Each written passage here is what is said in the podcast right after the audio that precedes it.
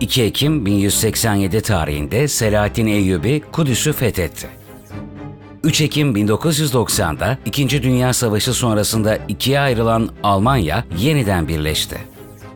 4 Ekim 1957 tarihinde dünyanın ilk yapay uydusu olan Sputnik 1 Sovyetler Birliği tarafından uzaya yollandı.